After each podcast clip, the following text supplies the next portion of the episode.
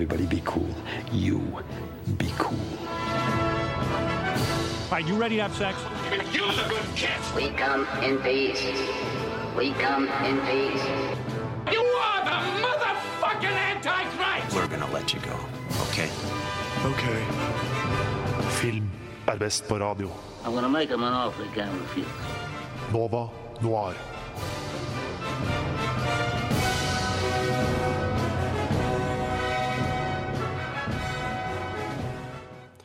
Oi, oi, oi, oi, oi. Det er torsdag, og vet hva det betyr Jeg begynner på nytt. Vet dere hva det betyr da, mine venner? Det betyr at det er litt for tidlig å begynne Litt- det- å formere setninger. Det er litt for tidlig til å snakke, litt for tidlig til å tenke. Men vet du hva, vi gjør det for det, for at vi er så glad i dere, dere der ute, lyttere. Vi er Nova Noir. Mitt navn er Tage, og vet du hva, det er oktober. Hva betyr oktober, Elise? Elise har snakka allerede, så vi kan bare si at Elise er også her. Jeg er her, Elise. Eh, oktober betyr eh, spooky season. For meg. spooky season. Eh, hva betyr det for deg, Fam, som også er i studio? Ja, jeg er også her. Eh, Halloween, gode filmer og godt humør. Godt humør. jeg, jeg er egentlig litt mer sånn Jeg er redd. Er du Konstant. Du er redd Ja. konstant fordi du er redd for at det skal komme folk med Masker og hoppe ut av busker. Husker dere da det var sånn klovneting? At folk kledde seg ut som klovner? Ja, stemmer det. Killer clowns? Ja, Sånn, ja. Sånne ting. Det er bare sånn jeg, jeg holder litt uh, på nøkkelknipene, skal jeg si det, når jeg går ute. Nei da, men uh, jeg syns det er spennende, men det er litt skummelt, da. Ja, var- men ja. eh, jeg er veldig glad i det, for at jeg tenker at oktober er en måned som har typisk mye dårlig vær. Eh, I hvert fall her i Norge. Og da passer det perfekt å bare sitte i en sånn lun sofa med teppe og Tenne lys. tenne lys, eh, kanskje, og Sette på en eller annen skrekkfilm, fordi skrekkfilm er det vi skal snakke om i dag. Og da absolutt uh, 70-talls-skrekkfilm. Og grunnen til det var vel egentlig litt fordi at uh, Elise fant vi fort ut at egentlig ikke har sett noe særlig skrekk. Og jeg, tenk, og jeg og Fam, uh, hint hint, vi er litt glad i skrekk. Og da tenkte vi hvilke tiår skal vi starte med for kjære Elise? Og da tenkte vi 70-tallet er best, fordi 70-tallet har veldig mange gode skrekkfilmer. Så i dag skal vi snakke om blant annet Eksorsisten, Halloween, eh, Jaws, Eller High Summer. eller High Summer, som er godt kjent som i Norge. eh, en japansk film som heter House, eller Hausu, Hausu. fordi vi er Nova Noir, og vi må også putte inn noe som er litt sånn ikke det typiske. Litt quirky. Ja. Og så runder vi det hele av med The Amityville Horror fra 1979. Og eh, eh, vi har et nytt redaksjonsmedlem som heter Lars, som har vært og sett en uh, ny premierefilm som heter Et glass til, eller Druk, som den originalt heter. Dansk film med Mats Mikkelsen blant annet. Å, det blir så bra! Det blir så bra. Men uh, vi skal jo snakke litt om hva vi har sett siden sist. Vi kan starte med deg, Lise. Hva har vi sett siden sist? All right. Så ett år sia Nå må dere holde dere fast, fordi for akkurat ett år sia så var jeg i USA. Jeg var på utveksling. Eh, som si, drukna lommeboka mi. Men det var veldig gøy. Eh, så jeg tok masse kule fag, bla, bla, bla. Men en dag jeg skulle på skolen i USA, så ser jeg det står en lapp på døra på blokka, studentblokka, og der står det filminnspilling. Og jeg bare hell Unnskyld, beklager. Yes. um, det var, det, er, det var filminnspilling i, eh, i byen, i Chicago. Jeg var sånn, det her er kjempegøy. Så jeg søker jeg. Jeg bare sånn, Hva var det navnet her? Det hørtes merkelig ut. Og så er filmen altså The Trial of the Chicago Seven. Nå ute på Netflix. Oi, oi, oi. For et, jeg kan vise dere bildet etterpå hvor det står 'filming notice'. Og så var jeg sånn ste, 'Veien er stengt denne helga!' Jeg var sånn, veien er stengt denne helga Fordi det kommer kjendiser. Det var veldig gøy. Men jeg hadde uh, busy skolehverdag, så eh, jeg fikk ikke sett noen kjendiser. Men jeg så veldig mange trailere. Det så ut som det var en ASKO-levering, for å si det sånn. Men det var bare film, eh, sett filmfolk som skulle rigges opp. Uansett. Nå jeg har du sett den. Ja, det er det. Ja. jeg så den denne uka. Så så jeg uh, The Trial of the Chicago Seven. Som da handler om eh, eh, det, er, det er så mye å ta tak i, fordi det er en del av eh, litt sånn amerikansk historie. Det var rett og slett På 70-tallet var det en svær bevegelse, egentlig veldig likt det vi har sett denne sommeren da med Black Lives Matter, men det var en bevegelse av eh, eh, venstrefolk som ville ha en revolusjon, og så har vi disse syv forskjellige lederne, da. Eller noen var jo ledere av samme ting og ikke, og de var litt forskjellige, men alle var ledere for Altså alle sto for en revolusjon, da. Så de dro til Chicago for å holde fredfulle protester på en sånn konferanse. Det var en sånn ja, politisk konferanse. Eh, men det som skjedde, var at eh, det ble en eh, riot. En eh, blodig riot. Og så er det et veldig kjent sitat eh, fra hendelsen eh, som sier eh, Det er noe sånn If, if, they'll, if they wanna let the blood flow, let it die. let, it, let it flow through the, through the city. OK, jeg, jeg, la oss bare late som jeg ikke sa det. Uh, uansett, filmen er veldig bra. Du har uh, skuespillere som Sasha Baron Cohen, Joseph Gordon-Levitt, alle disse gode folka. Uh, og så er det egentlig en rettssak som tar for seg disse syv folka, fordi de ble jo dømt for å holde riots.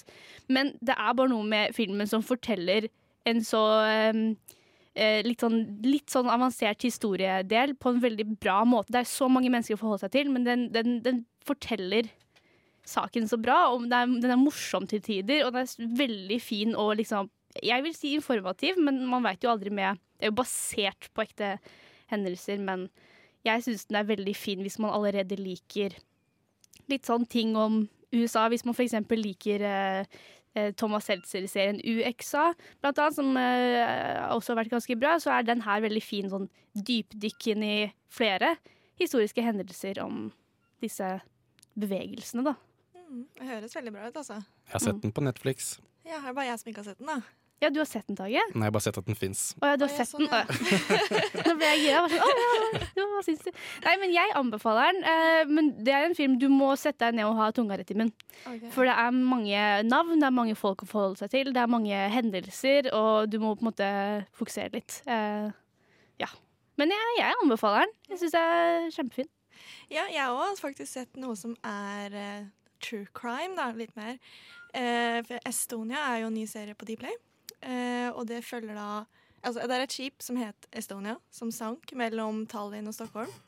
Eh, og det var i 1994, hvis jeg husker riktig.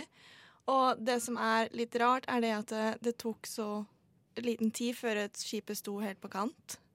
Og det var 850 mennesker som døde. 100 av de, kanskje litt mer, overlevde. Og det som skjedde, var at regjeringen i Sverige bestemte seg for å lage en gravplass. Så i dag er det ikke lov til å dykke der Estonia ligger. Du har ikke lov til å undersøke noe mer der. Og de mener at eh, Ja, det er masse forskjellige konspirasjonsteorier, ikke sant. Og den serien tar for seg da jeg tror det er fem episoder. Jeg har bare sett to av de hittil, så er det fortsatt litt spennende. Eh, tar for seg de ulike, ulike teoriene og graver veldig for å finne nye funn. Så de har jo også fått med seg dykkere og alt sånt der. Og intervjua dykkere som var Så de har fått lov til å dykke der nå? Nei, det er det som er greia. De har fått dykkere fra Amerika, fordi det er sju land som har skrevet under på at det ikke er lov å dykke der. Ja, USA skriver ikke med, så Nei, det er de ikke med på noen ting, de. Så de dykkerne fra Amerika de ble stoppa av svenske kystvakter, som Ja. sa at eh, hvis dere vil på ferie i Sverige eller noe senere, så kan hende dere bli tatt inn av politiet fordi, fordi dere dykker her i vannet. Og det var, båten lå bare 60 meter ned, og enda så var det liksom Det var ikke, grunn, det var ikke, det var ikke grunn nok for at den svenske regjeringen mente at hun skulle dykke der.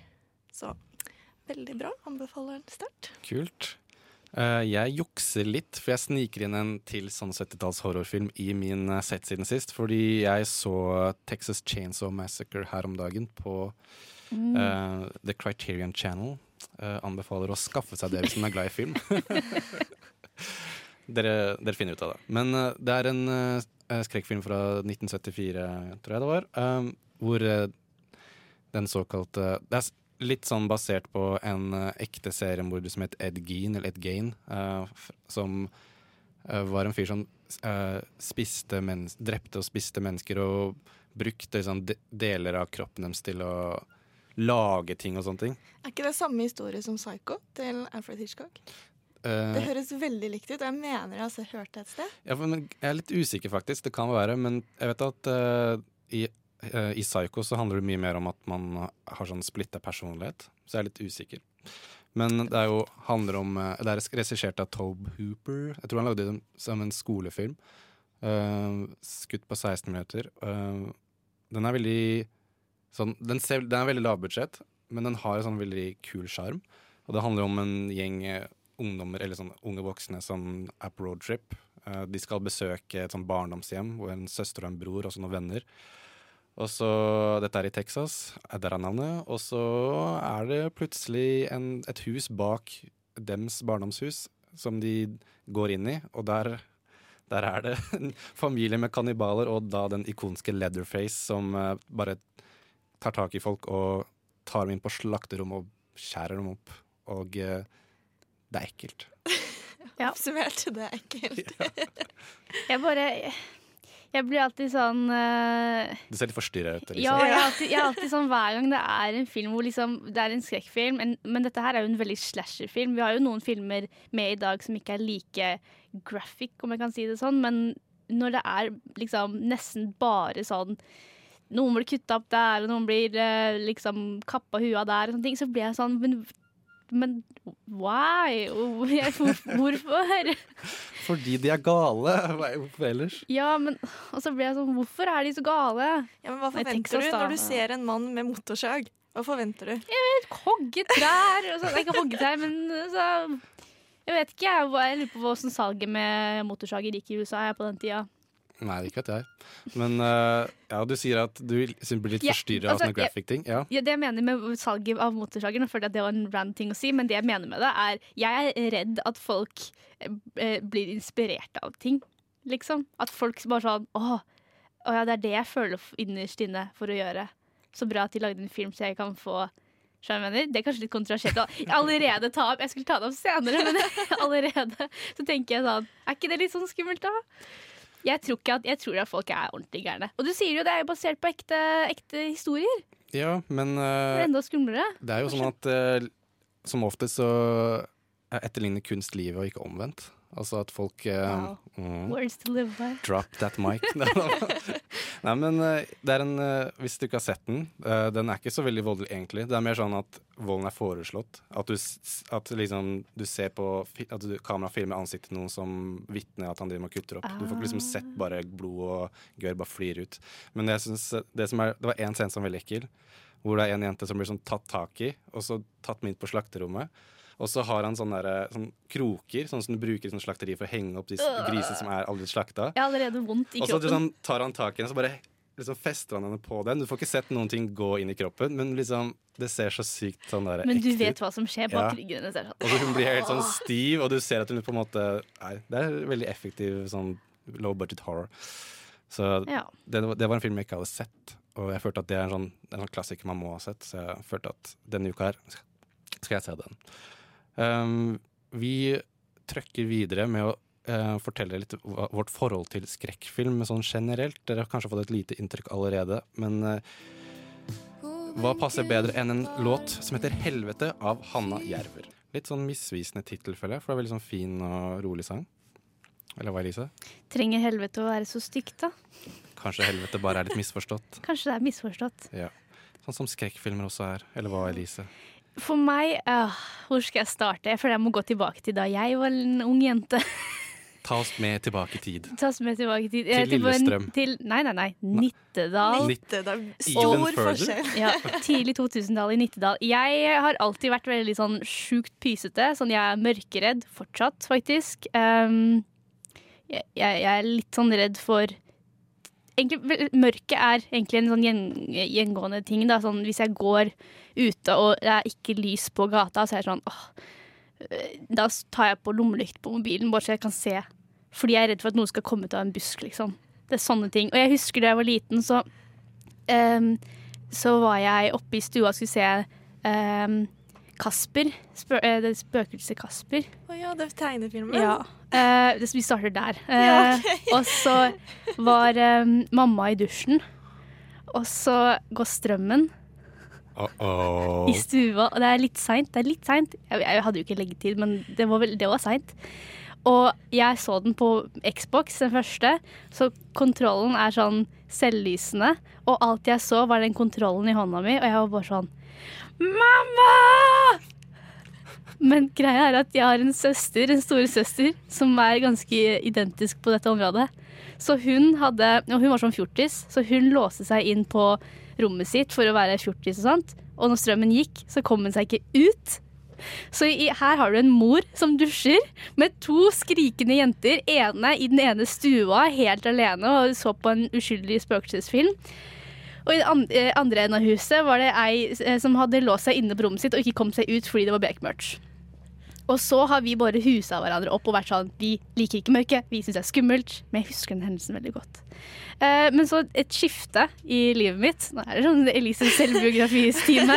Men hvor gammel var du? da det Kanskje første- sånn eh, seks år. Okay. Fem-seks år, jeg vet ikke. Ja.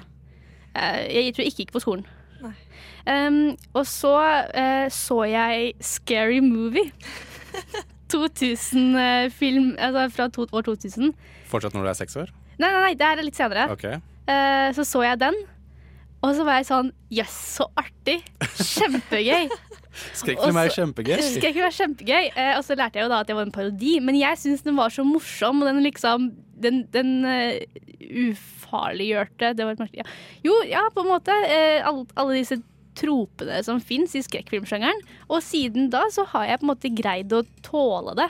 Men jeg ser alltid på skrekkfilmer med henda sånn, nå holder jeg henda foran øynene, men sånn at jeg ser gjennom fingrene mine, liksom. Og så ser jeg så vidt på.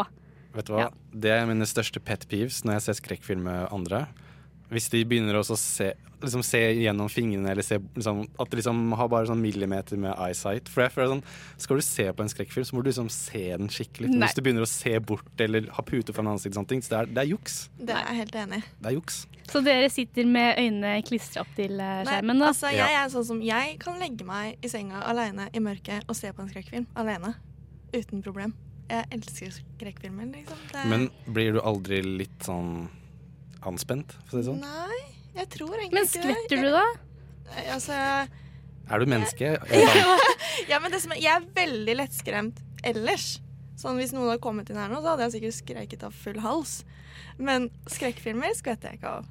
Jeg vet ikke hvorfor. Kanskje jeg bare er herda. Men er, du, ja, herda, er, du, veldig vant til det, da? Nei, men altså, det er derfor jeg lurte på alderen din. Fordi når jeg var fem-seks år, Ja. så gikk jeg inn på søstera mi, som så på en av Halloween-filmene. Og da bare sto jeg der i stua bak alle venninnene hennes og hender og så på denne skrekkfilmen. Herregud, så creepy. Tenk hvis de snudde seg. Skvatt til. Nei, de så meg ikke, tror jeg. men ja, det hadde vært litt ekkelt. Ja, shit. Um, for min del um, så hadde jeg egentlig ikke noe forhold til skrekkfilm da jeg var liten. Uh, men jeg tror når jeg uh, traff Når jeg gikk i syvende klasse, husker jeg at uh, Scream og I Know What You Did Last Summer, de der 90-talls-slasherne, begynte å komme på kino. Og da var det sånn typisk sånn når man er i det der skillet mellom å være ungdom og barn. Og så da skal man liksom være så kul og tøff og tørre alt og sånne ting. Og så var det sånn en i klassen, den ene gutten som bare fikk lov til å se alt. Som bare 'Å, vi har Scream hjemme', og sånne ting.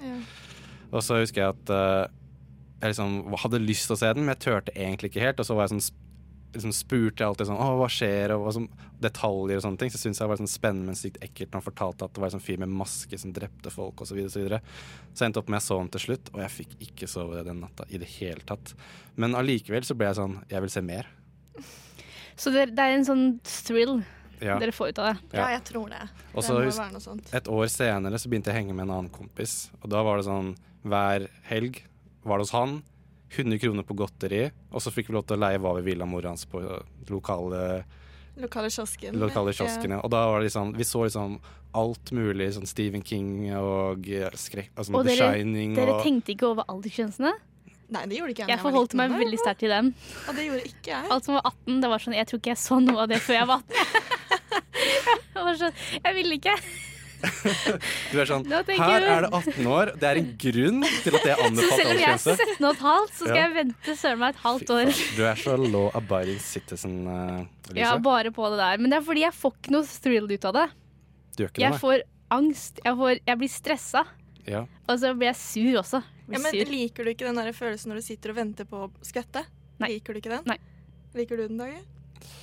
Det er noe med det. Ja. Men jeg jeg syns det er jeg- spennende. Men Men, eh, kan, ja. jeg, kan jeg spørre om ting? Er det sånn som å ta berg-og-dal-bane? Fordi jeg liker ikke det heller. Nei, jeg jeg, jeg syns ikke det er helt det samme, for da får du sånn sug i magen. Når Ja, du ja. Mm. Ok, Jeg trodde det var en thrill som jeg kunne Ja, men jeg tror det ligger noe i det at, at du er redd, men du er liksom helt trygge omgivelser. Ja. Og så er det ofte sånn at uh, når du liksom har skvettet, og så er det liksom over det, og så får du liksom litt sånn derre Ah, ok. Ja. Du får et eller annet sånn release, tror jeg. Men jeg er ikke så veldig glad i sånn typisk sånn jump scares-skrekkfilmer. sånn Det som- blir sånn cheesy. ja, Og det blir sånn sur fordi det er dårlig. ja, og det er jo uh, Det skal vi egentlig gå så mye inn på det i dag. For at uh, nye skrekkfilmer er jo ofte veldig sånn Har veldig mye billige jump scares. Mm, Sånn ja. som The Nun og alt de der. Det er sånn dårlige filmer, men folk Å, den er skummel fordi jeg skvetter hele Ja, tida. Men det er jo blitt en sånn filmscience. Hvordan få folk til å skvette. Men det blir jo bare irriterende hvis du sitter og skvetter hele tida, om filmen er ræva. Ja, det synes jeg også. Mm. Men de filmene vi skal snakke om i dag, ikke ræva, og du skvetter av og til. Eller hva, Lise? Jeg er faktisk litt enig i at vi har et godt utvalg i dag, Mm. faktisk. Mm. Så det kan jeg stille meg bak. Yes. Og eh, det utvalget det starter nå snaks, men eh, straks. Eh, men først litt aktiv dødshjelp som gir oss Voy and Destroy. Oi, oi, oi. Voy and Destroy fra Aktiv dødshjelp. Og nå, dere, skal vi snakke om første film, som er The Exorcist. Og den handler om, hvis ikke dere vet det, en um, liten Altså, jeg husker ikke helt hvor de er. Uh, Fam, hvor er det de er? Husker du det? Uh, Georgetown. Georgetown.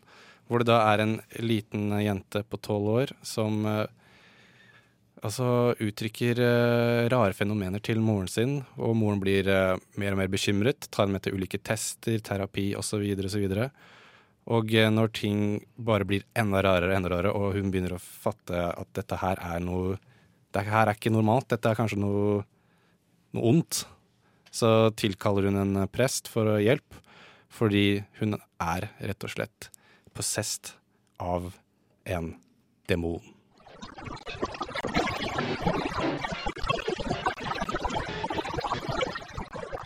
Og de som, de som hørte der, betyr altså at jeg tror faktisk Dere, det er veldig ekkelt.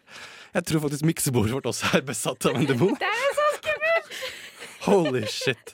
Jeg lover dere, jeg klippet dette materialet, hørte på det, spilte av helt fint. Og nå vi prøver å spille av det her nå Hvis det er en prank, så gidder jeg ikke, folkens. Det er så skummelt. Ah! okay. Men skjønner du hva jeg mener? At jeg er redd for at ting som freaky ting som skjer i filmer, skal skje i virkeligheten. Fordi jeg lever meg skikkelig inn i det. Så ja. Ja. Men uh, dette er veldig gøy, egentlig, for at uh, under produksjonen av The Exorcist så skjedde det veldig mye rart. Um, for eksempel så det huset de spilte inn i, Uh, tok fyr fordi det var en fugl som bare sånn, fløy inn i en sånn electrical box eller et eller annet sånt. Men hele huset, som settet, bortsett fra det rommet hun jenta eh, sover i, som er der hun er besatt, alle de scenene foregår, det brent, brant ikke opp. Er det seriøst? Det er helt sant. Oi. Og eh, det var også to av skuespillerne som eh, eh, dør i filmen. Eh, presten, for, for eksempel. De skuespillerne døde på ekte Nei, nei, nei. kort tid. Jeg leste at, jeg leste at slektningene Unnskyld for Ja, det. men det, det er slektninger også. Takk. Slektninger, er det ikke det? Jo. Nei. Altså, hør nå. De to skuespillerne døde kort tid etter innspilling på ekte, men så var det også slektninger av liksom, crew og sånne ting som også døde. Er det for noen syke greier? Fordi jeg leste at det var mange Altså den filmen fikk så stor kritikk eh, fra forskjellige for eksempel prester og menigheter rundt hele verden egentlig, om at du skal ikke kødde med sånn eh, tilkalle Satan inn i, eh, huset ditt eller hva enn. Fordi det er Du gjør det, liksom. Så det er jo mange som mener at fordi de ville altså lage film om det, så på en måte fikk de det til, liksom. Og gjøre filmen litt cursed. Ja. Men uh, Warner Bros, som uh, produserte filmen, de spilte jo veldig på der i markedsføringen av filmen. At, uh, at det liksom var en problematisk innspilling, og at i sånne tidlige eh, sånne visninger av filmen at folk besvimte og Det har jeg lest også i, på kinosalen. Mm. Ja.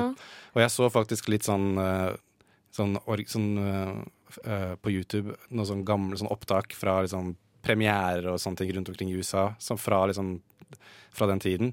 Og det som også var litt kult, var at det var liksom køer rundt blokka, liksom. For da, filmen var liksom så sykt hypa opp på grunn av at det var så mye mystikk og sånn rundt eh, Jeg lurer på om folk er sånn Kommer jeg til å kaste opp? Når de går og ser sånt? Ja, Er det ikke det? Sånn der, Oi, jeg hørte at jeg fikk kaste opp, jeg. Ja, Ja. ja. Sånn, mm, jeg er spent på åssen jeg kommer til å føle meg. Ja, ja. Det er folk, jeg tror det er den der eh, nysgjerrigheten der som Ja. lokka veldig mange folk. Mm. Men uh, jeg vil jeg syns denne filmen her er utrolig bra. Jeg så den for første gang da jeg var 13 år, for da kom en sånn remaster sånn ny, Ikke ny innspilling, men sånn ja, kvaliteten ble remastered eller noe sånt, så den kom på kino igjen. Og jeg hadde rom i kjelleren eh, i huset vårt, og den natta klarte ikke jeg å sove i kjelleren. Fordi denne her filmen er så creepy. Jeg syns fortsatt den er creepy når jeg ser den i dag i dag, men du syns ikke den er så skummel, Fan. Nei, jeg syns, jeg syns den egentlig var ja, Det er lenge siden jeg har sett den nå, så jeg så den jo i går eh, til sending i dag. Og jeg syns det tok så lang tid før det skjedde noe, så jeg satt og gjorde alt annet ved siden av. Og så skjedde jo en del på slutten, og da var det sånn, da, da var det litt spennende. Og da huska jeg jo, sånn som du sa, Lise, at eh, du kjente igjen filmen fordi du har sett den som liten. Ja, for, ja, det var det jeg var sånn Å, Exorcist, nei, det har holdt meg unna. Jeg har ikke sett den. Og så begynte jeg å se på den, og så var jeg sånn Å ja, men det er den filmen, ja. Jeg hadde helt glemt det er det med hun i den senga hvor hun er liksom helt gæren og har sånn ekkel, ekkel stemme og b- Mm. Helt sånn. Uh, men ja, jeg husker jeg har sett den, og jeg tror jeg har sett den da jeg har vært sånn tenåring. Litt sånn ufrivillig. Men jeg husker ikke at den påvirka meg sånn, fordi jeg tror jeg nesten lo litt mer av den. Det er sånn herregud, for en, for en ting. For en ting at hun jenta er sånn helt gæren, og han presten er liksom sånn Ja. Jeg husker jeg tror jeg bare syns den var mer merkelig. Um, Men du ser jo veldig godt at de som lager eksorismefilmer i dag, de må jo være inspirert av den filmen her, fordi det er jo de samme trekkene. Det er Ja, hun går opp ned ned trappa, og hun har en person som hun prater med som ingen andre ser, og de typiske trekkene for sånne filmer, da.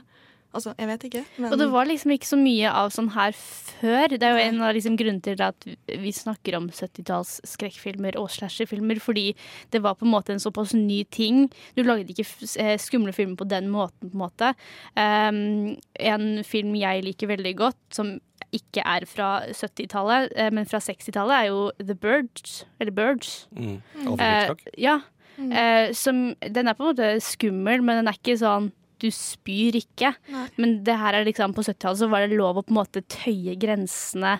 Få folk til å føle seg veldig ubekvemme. Og det er det som er litt spennende med det. da. Og det er jo, eh, det er jo også på en måte bana litt vei for alle de nyere skrekkfilmene nå, som høyt inspirerer seg av det. Og det, jeg føler det er, så, det er så typisk sånn alle de filmene vi har med, er sånn Alle har prøvd å lage utallige um, oppfølgere og remakes og basert på den. Altså, jeg sleit jo med å finne originale Amityville, ja, for det var så mange av dem, Ja. for eksempel, som vi kommer tilbake til senere.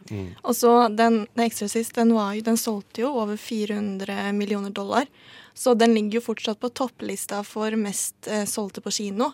Eneste som ligger over, det er Haisommer og It, faktisk. Av skrekkfilmer, ja. Av skrekkfilmer, ja. Mm. IT, ja.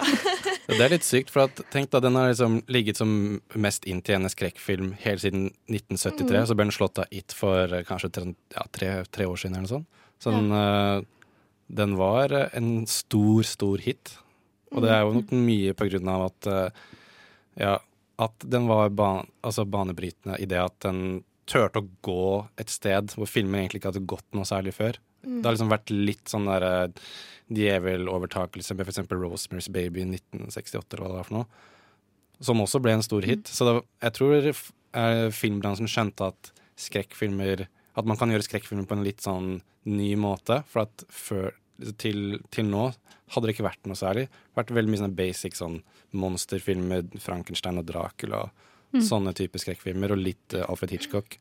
Begynte å nærme seg litt sånn psykologiske thriller og horror. Men av det òg, da, at eh, det var så nytt, så ble det jo også veldig omdiskutert. Og det tok jo mange år før eh, ja, også The Exorcist ble lov å vises i Norge av språkbruk og eh, at regissøren nekta at de som skulle vise den, skulle klippe og endre den. Altså legge inn sensur, da. Så Men uh, The Exorcist Jeg vil anbefale den veldig sterkt hvis ikke du har sett den. Fordi det er en film som er eh, Jeg syns er veldig bra. Jeg synes Den ble faktisk nominert til Oscar, som den første eh, skrekkfilm til å bli nominert til beste film. Og eh, jeg syns det er vel fortjent, fordi ja, den er skummel og creepy, med mindre det heter Fam. Men, men den er også jeg synes, en veldig god film, for den utforsker av veldig gode karakterer. Og uh, tar jo, det tar jo, som du sa, Fam, en del tid før noe skummelt skjer. Men jeg syns for min del at det er veldig interessant den derre at han eh, presten, han unge presten at han har mange sånne ting som han sliter med, sånn, med tanke på moren sin som er syk og har liksom sam, dårlig samvittighet med å besøke henne. Sånn, tror han egentlig på Gud, hvor eh, og sånn, hans egen tro blir liksom utfordret og sånne ting. Og så blir det at han skal liksom klare å hjelpe denne jenta som tydelig er besatt av et eller annet, for å liksom Han har det målet, da. Så eh, jeg syns det er en veldig interessant film. Ja, men jeg er helt enig. Altså, hvis du skal lage deg en liste over 100 filmer som du må se, så se den her. Så På nummer Nummer sju.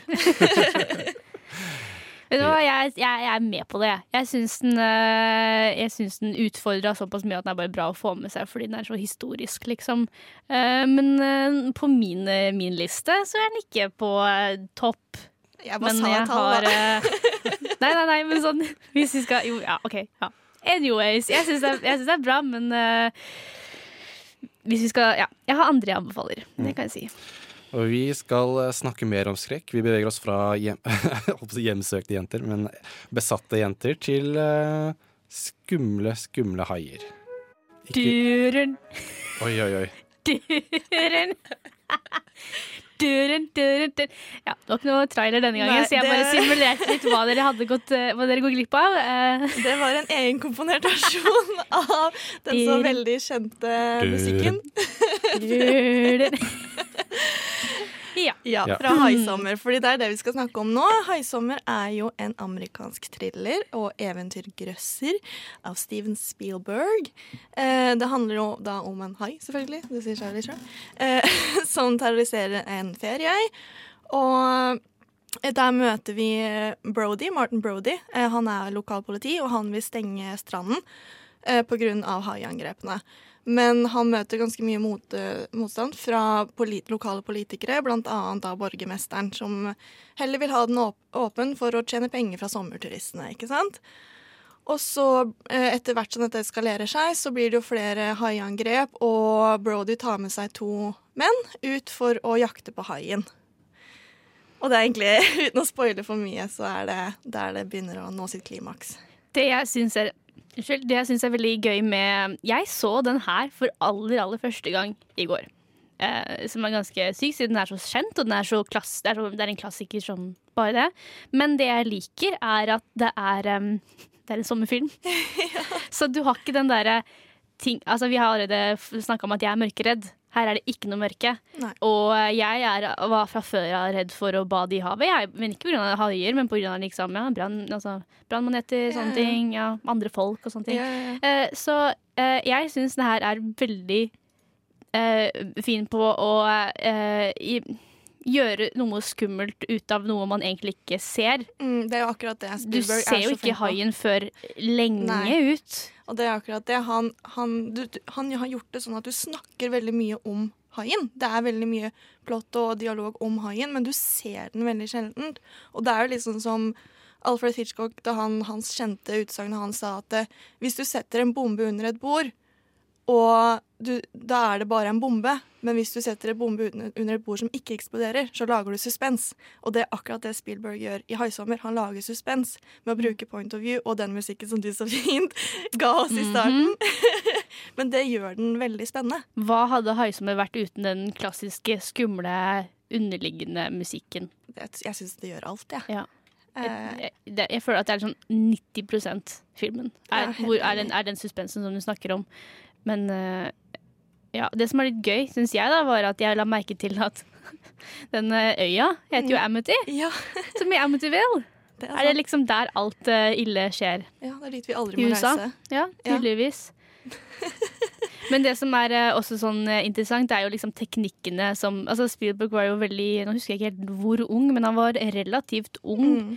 Eh, og han allerede liksom gjorde veldig mange kule ting. Sånn, jeg føler at alle som har hatt et, et introfilmkurs, veit at uh, vertigo-effekten uh, ble nesten litt sånn popularisert av uh, Haisommer.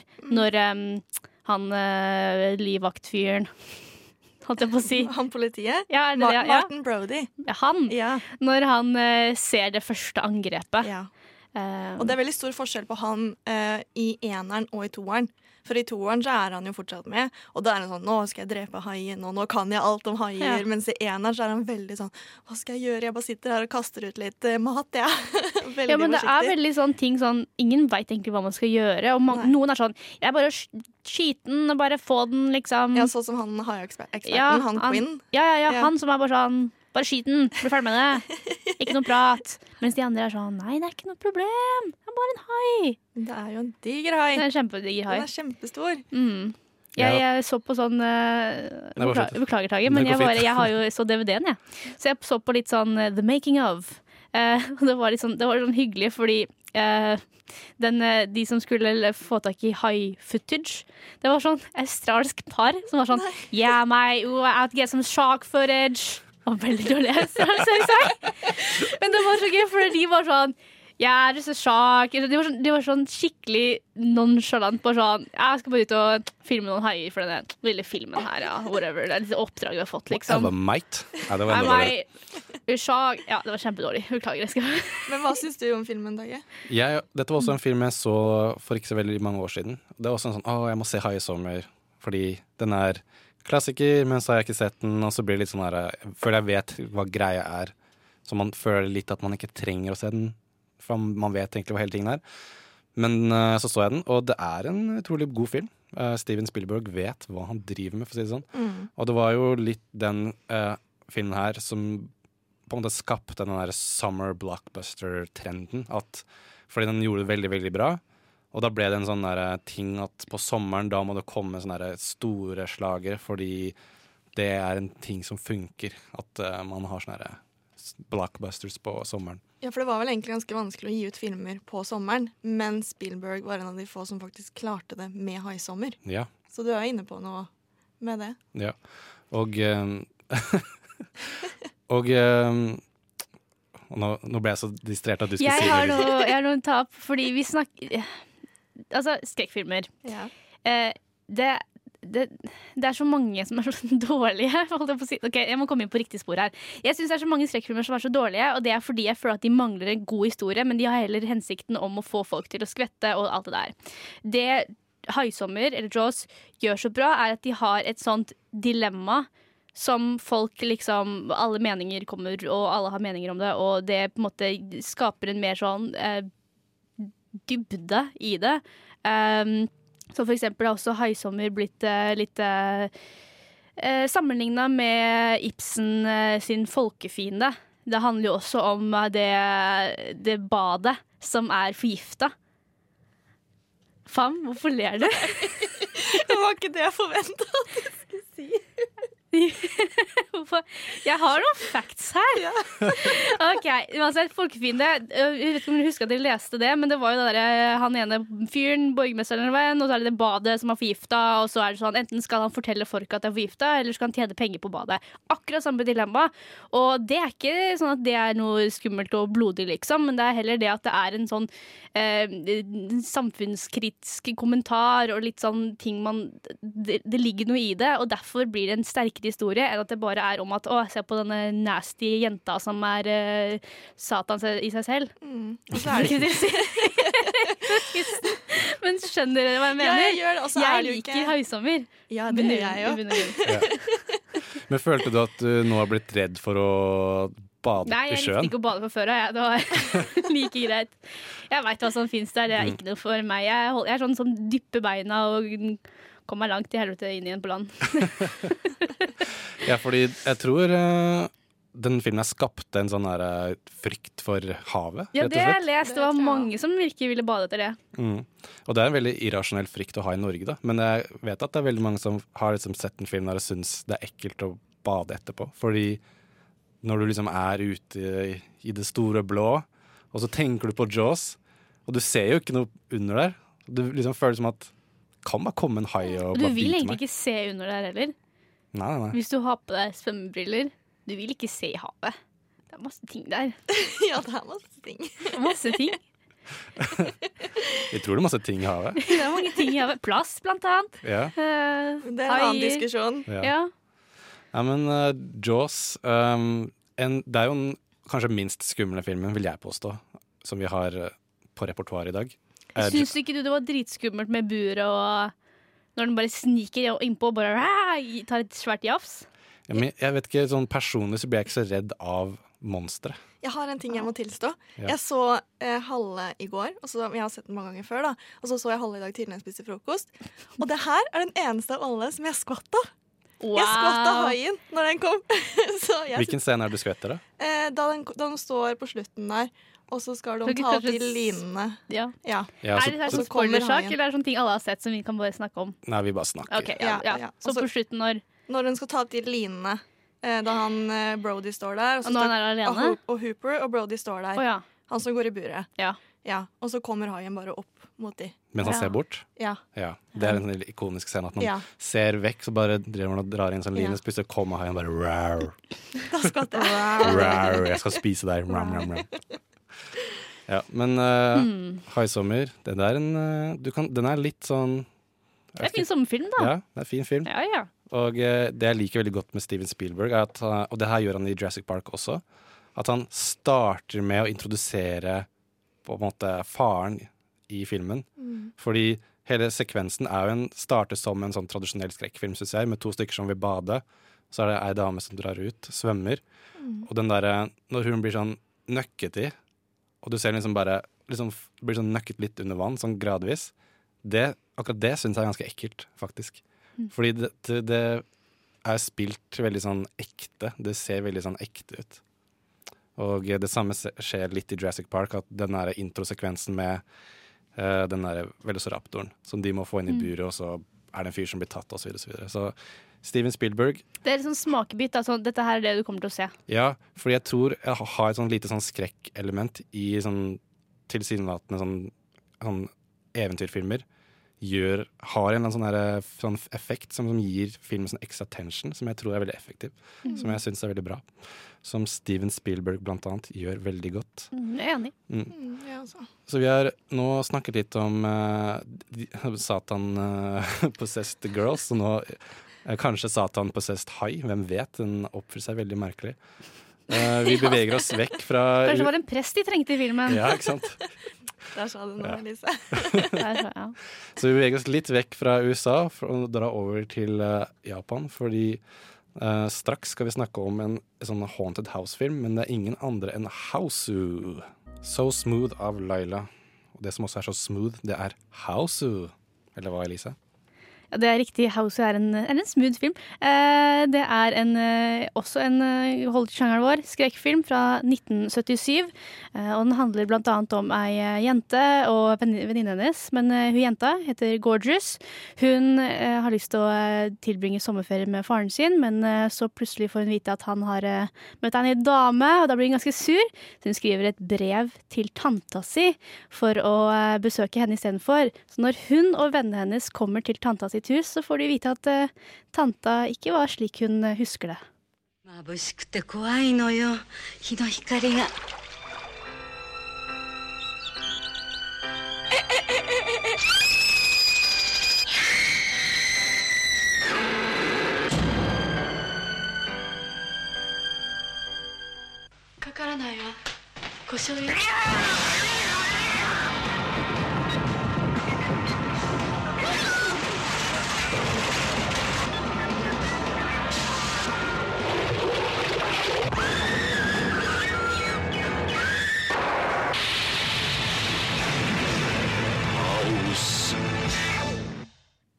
Så det spørs hva du fikk ut av den traileren der. Eh, masse god stemning og Masse- skriking. Det var litt mer sånn mood, egentlig. Eh, fordi Hausu eh, er ganske moody. Vi følger jo de, disse jentene sin eh, ferie hos denne tanta sitt hus. Eh, er det lov å si at tanta ikke Jeg, altså, syns alle skal se den, så, du må nesten oppleve den. Det er liksom som en sånn feberdrøm. Det er en opplevelse, Ja, absolutt. Men eh, tanta er jo dau, så hun er jo ikke der. Og så sakte, men sikkert så dør jo en person for hver gang. Og de dør på de mest fantastiske måtene. Men jeg vil bare allerede si at dette her er jo da en film regissert av no Nobuhiko Obayashi. Eh, som eh, jeg, jeg leste at han vokste opp i en by eh, nær Hiroshima. Eller i Hiroshima, jeg er litt usikker på geografien her. Men han i en tidlig alder opplevde at eh, han mista alle han kjente. Han mista alle vennene sine. Han eh, vokste opp med besteforeldrene sine.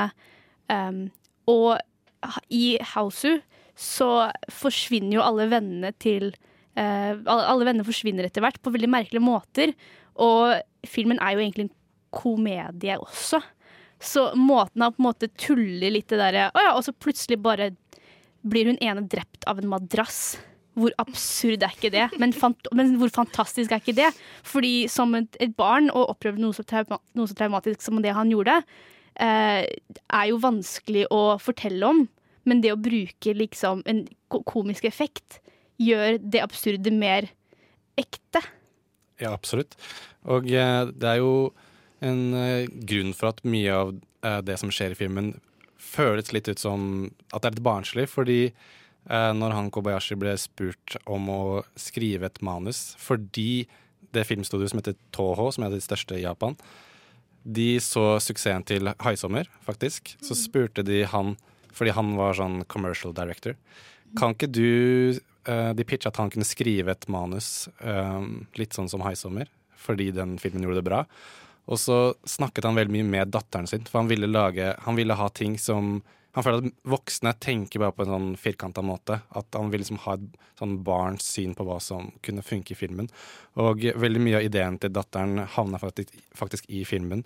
Uh, for eksempel at et sånn speilbildet ditt angriper deg, eller at det madrassen som snak- snakket om, at en- altså masse madrasser faller oppå deg, og det er liksom følelsen at det er liksom et monster. Sånne type ting var liksom ting som hun hadde fantasert om og opplevd. Og da er det gøy at det faktisk havner i den ferdige filmen. Det er min, eh, første, det er min aller favoritt, eh, favorittdød, holdt jeg på å si. Men min nummer to favorittdød er hun jenta som blir spist av pianoet. altså, Hvor morsomt er ikke det? Det er, sånn, det er kjempegøy. Hun spiller piano hele tida. Og så er det sånn det lokket på piano liksom hakker på fingrene hennes. Og så ser hun sånn Oi, der var fingrene mine borte. Haha. Og så plutselig kommer det pianoet og tar hele hånda hennes. Hun bare «Ah, Der var hele hånda mi borte! Og så er det sånn skikkelig klassisk sånn skrekkfilmskrik. Og jeg var sånn, jeg så på det og bare Vet du hva, det der liker jeg. Dette liker jeg. Dette er morsomt. Altså, jeg Men er eh, Fam, du rister Nei. skikkelig på hodet her. Nei, nei, nei. Altså, jeg veit egentlig ikke helt hva jeg skal si, og det tenkte jeg også når jeg så filmen. Det- er så mange forskjellige features og ting som skjer. Det skjer noe nytt hele tida, og det er så dumt! Jeg skjønner ikke at de kan kalle det skrekkfilm. Men det er en Det skrekkkomedie. Ja, jeg vet at det er en skrekkomedie, men det burde jo bare vært komedie, for det, det er så Var det teit. ikke skrekkelig når huet til hun ene liksom Men- spydde i armene til hun andre? Det var jo kjempeskrekkelig. Men altså så, for eksempel når de dro opp den vannmelonen da, fordi hodet hennes ble borte. Det var jo så forutsigbart, og det var så teit. Og så kommer det hodet og biter henne i rumpa. Jeg bare sitter, Hva er det som skjer? Og jeg, satt, så jeg, jeg lå sånn her i senga mi i går og skal legge meg på iPaden, og så ligger kjæresten min ved siden av og er på TikTok.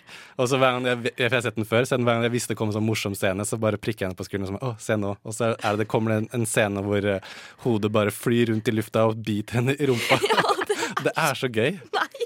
Men jeg syns det er litt morsomt å nevne at alle de, alle de karakterene i filmen, det er en gjeng på syv jenter, tror jeg det er. Mm. Alle he har liksom et navn, eller kallenavn, men de, du får aldri vite hva de egentlig heter. Men de bare adresserer hverandre med sånn navn. Det er personlighetstrekkene deres. Ja. Så vi har hun som, er, eh, som har sin denne tanta, da. Hun heter jo Gorgeous. Fordi hun er pen. Fordi hun er pen. Ja. Enkelt og greit. Egentlig rett på sak. Mac. Og- Mac for etter Big Mac, da. Hun spiser mye. Ja. Ja, eller stomach. ja. Jeg, ja. jeg, tror, Så Jeg- sier de i jeg mener å huske at det var fordi The Big Mac, og så blir hun kalt Macu.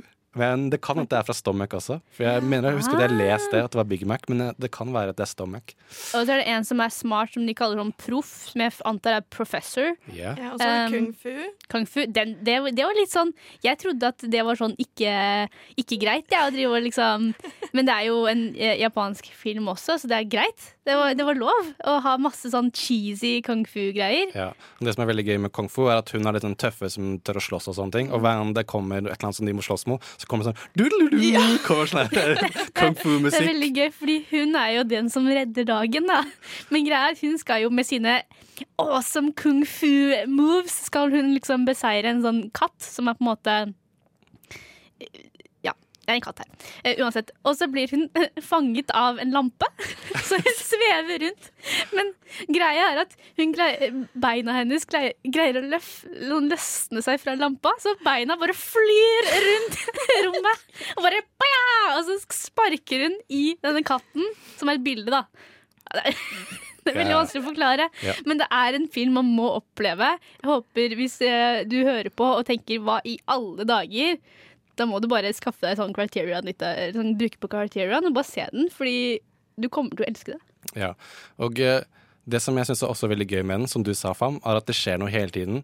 Som gjør at den er veldig interessant å se på sånn rent sånn filmatisk. Fordi han tar seg så sykt mange friheter, han Kobayashi. For det går liksom helt Det er for eksempel veldig mye sånn her uh, At et bilde eh, ligger der, og så plutselig er det sånn Å, nå glemmer jeg hva det heter. At det er sånn transparent. Så ser du. Er det double exposure? Nei, det er feil. Jo, det er i hvert fall mange bilder oppå hverandre. Mm. Og han tar seg mange sånne kunstneriske friheter i hvordan ting ser ut. Og så er det veldig mange at det er sånne tydelige sånne sett hvor det er sånn malt kulisser i bakgrunnen. Og så er det plutselig så er det stop motion-animasjon hvor en fyr faller og lander opp i en bøtte, og så bare ser du at han liksom bare Ja, det, det likte jeg ikke. Det var, det var sånn slapstick-comedy på et punkt. Var sånn, nei, nei, nei. Ja. Ja, han faller i en bøtte, og bøtta er sånn sitter fast på rumpa. Så Mm. Men jeg lurer, er det en parodi på amerikanske tenåringsfilmer?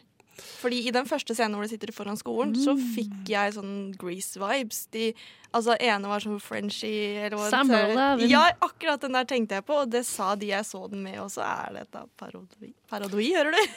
Parodi. Parodi. uh, jeg tror ikke det er en parodi, men jeg har sett det litt på et intervju med han eh, regissøren, og han sa at eh, altså, skrekkfilmsjangeren var egentlig ikke en greie på den tiden når de lagde den filmen. Så de så aldri på at de lagde, så aldri på det som en skrekkfilm. De lagde egentlig, de, mer, de tenkte mer at det var en fantasifilm.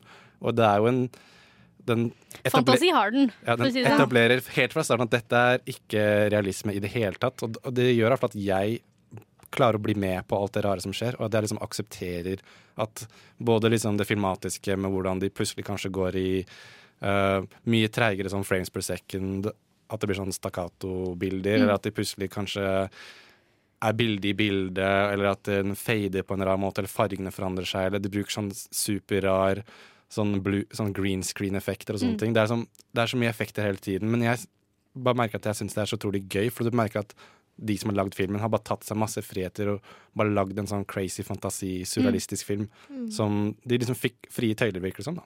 Jeg syns det er mange bilder som også er på en måte veldig poetiske. Uh, altså, jeg følte at jeg fikk lyst til å ta uh, screenshot av og til, for det var sånn, det her var skikkelig fint. Blant annet en, uh, en scene hvor hun Gorgeous ser seg i speilet og ser tanta si sin refleksjon, og så blir glasset knust, og så renner det blod ut av det glasset, og så ser, hun, og så ser vi et bilde av Gorgeous igjen, og så er det, hører man lyden av glass, og så går ansiktet hennes i biter. Og det var sånn superpoetisk. Jeg var sånn Det her er kult. Ja, altså, det er jo noe jeg ikke har sett lignende av før. Det er en superinspirasjon, liksom. Den er, det, det er eh, banebrytende. Mm. Amazing, astonishing. Jeg har masse, jeg har masse bra å si. Ja, og den ble faktisk en kommersiell suksess i Japan, men til tross for at eh, når Toho The Studio fikk manuset ferdig, så greenlighta de filmen. Men så tok det to år før de begynte å spille den inn, fordi det var ingen regissører i det studioet. Eh, nå får vi besøk av en fyr her. det var ingen regissører i det studioet som hadde lyst til å ta på seg å lage filmen, for de var redd for at de kom til å eh, ende karrieren deres. Og så til slutt så ga liksom studioet jobben til han som hadde skrevet filmen også, for at han var liksom ikke en del av det firmaet. da. Men han hadde mye sånn regi, regierfaring fra før av, fra uh, reklamefilm osv. Og det gjorde at eh, jeg tror det var veldig lurt, for at jeg tror ingen andre enn han kunne lagd den filmen på en god måte. Mm, Jeg tenker det at eh, Hvis du er sånn som meg, som liker ja, veldig veldig mye skrekk og den spenningen som vi snakka om tidligere, så kanskje ikke det her filmen for deg. Men hvis du er som Elise, som liker litt komedieskrekk, så Ja, jeg sa jo min første film jeg likte, var Scary Ja, Movie, som er sant? den største parodifilmen. Men det er en forskjell i Jeg ville ikke sagt det er en skrekkfilm, jeg ville sagt det er en litt uh, At det er en kunstnerisk film, Mm. egentlig. Mer i det. Det er jeg mer Mm. enig i. Ja. Ja, absolutt. Uh, og den ble og fikk jo kult status veldig tidlig, og Mm. det har jo blitt uh, veldig populær her i Vesten også. Så Houseu, hvis du vil se noe som er litt uh, utenfor det normale, for å si det mildt, så anbefaler jeg den veldig sterkt. Den fins helt sikkert der ute utenom Criterion Channel også. Anbefaler den veldig sterkt. Eh, Vi beveger oss faktisk snart over til ukas kinopremiere, fordi Lars han har sett Mats Mikkelsens nye film eh, 'Et glass til'. Litt før det skal du nå høre 'Hardy' av Lucy Love.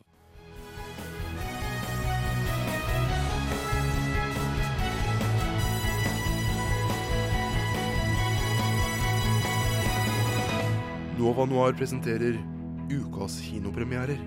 Yes, ukas kinopremierer. Nå er det eh, Lars eh, Skram som har vært og sett Et glass til, eller Druk som det heter på dansk originalt. Det er nå et reunion mellom eh, Mats Mikkelsen og regissør Thomas Winterberg. eh, Og den har Lars anmeldt for oss.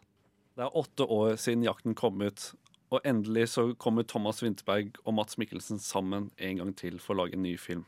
Og denne filmen er Ett glass til, eller Druk, som den sjarmerende nok heter på dansk. Jeg om I har lyst til at starte aftenen med litt champagne? Det lyder dejligt. Øh, jeg er i bil. Jeg skal bare have en øh, dansk vand øh, uden citrus. Uden citrus, ja tak. Ja. Hæft, det er godt, det her. Øh, ja, det er sgu synd, du er så fornuftig. Men spørgsmålet er, hvad der i virkeligheden er fornuft. Der findes en filosof. Han øh, mener, at mennesket er født med en halv promille for lidt. Altså, jeg må sige, jeg kunne da godt sådan bruge en halv promille sådan på daglig basis for at få lidt mere Det har vi da alle sammen brug for. Det har du da også brug for. Filmen handler om fire middelaldrende lærere på en videregående skole som innser at de kanskje er litt på nedtur når det kommer til å være engasjerende og kreative i klasserommet. Men når han ene finner ut om Finn Skårdes teori om at vi mennesker er født med en halv promille for lite, så ser Mats Mikkelsen sin sjanse for å kunne være engasjerende i klasserommet en gang til. Spørsmålet er jo da om de klarer å trå den tynne linjen mellom det å ha en halv promille ekstra i blodet og være mer kreative i klasserommet, eller om de til slutt ender opp som alkoholikere. Dette er en film om vennskap, frykten for å miste ungdommen sin, og så klart alkoholisme. Selv om jeg er en 24 år gammel mann som ikke er i nærheten engang til å være i deres posisjon, så klarer jeg allikevel å relatere til dem med det å leve opp til forventningene til folk og det å bli eldre. Og forklare for barna hva som har hendt. Jeg bliver lidt fuld i går. Jeg har hele tiden syntes, det var fint, at jeg eksperimenterede alt mulig, men det her, det er åndssvagt. Jeg går ikke ut fra, at det er noen her, der har et problem, vi skal vide noe om. Som i jakten så fungerer Mats utmerket til å være en hverdagslig lærer som sliter med selvtillit, og en person som prøver å ta tilbake sin egen ungdom. Selv om Mats står sterkt i filmen og er den vi følger, så synes jeg også de andre bikarakterene er helt utmerket i den filmen. For vi følger jo også de i dems reise i å drikke alkohol på skolen. I løpet av filmen så blir det brukt en del kreative valg i filmen. Annet det å bruke arkivmateriale fra ekte hendelser av politikere og andre folk som prater til masser når de er helt stup drita. Og dette fungerer helt utmerket. For at Thomas Winterberg er veldig flink når det kommer til å bruke uortodokse, kreative elementer for å fremme historien. Afhældning. Daglig indtagelse av alkohol. Ja. Tilstrakt til konstant nivå på en halv promille. Med henblikk på innsamling av evidens Ja. Psykologiske og psykoretoriske følgevirkninger samt undersøkelse av forøget sosial og faglig ydelse. Filmen prøver også å unngå å eksplisitt nevne alkoholisme noen ganger, føler jeg. Selv om vi ender opp med scener hvor Peter pusher en elev til å ta noen slurk med vodka for å øke selvtilliten hans til å ta muntlig eksamen. Og det er her filmen detter litt ned for meg. For at når du tar et tema som alkohol, så har du også et ansvar med å kunne vise hva de gjør, og ikke glorifisere det. Og selv om det tar opp mye negativt, og det kommer til klimaks hvor ting går helt gærlig, så blir det skjøvet litt til side i forhold til det positive som skjer i filmen. Med tanke på temaet alkohol, så føles filmen litt ut som metronom når det kommer til temaet. Den er ekstremt nøytral til det, og den er ikke redd for å vise deg de ubehagelige scenarioene når du smugdrikker på jobb, men det setter også alkohol et ekstremt attraktivt lys. Og det er jo noe helt spesielt når Mats Mikkelsen gir akkurat det blikket til et lite shot med vodka.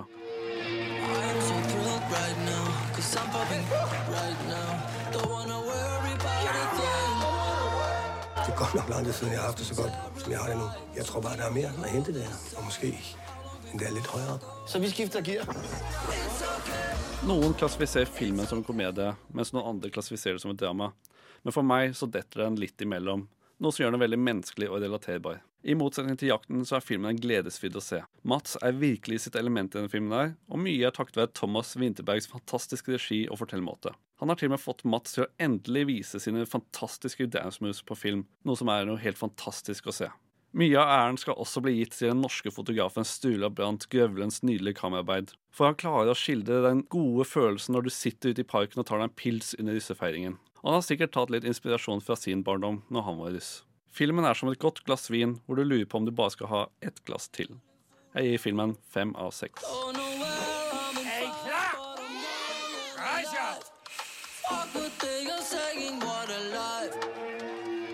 Og eh, nå skal vi snakke litt om halloween, eller hva, Fem? Ja, Halloween fra 1978. Der møter vi Michael Myers på flukt fra et psykiatrisk sykehus. Og han dreper tenåringer, og Dr. Loomis forsøk på å spore opp han og stoppe han. Halloween night. A small American town. 15 years ago.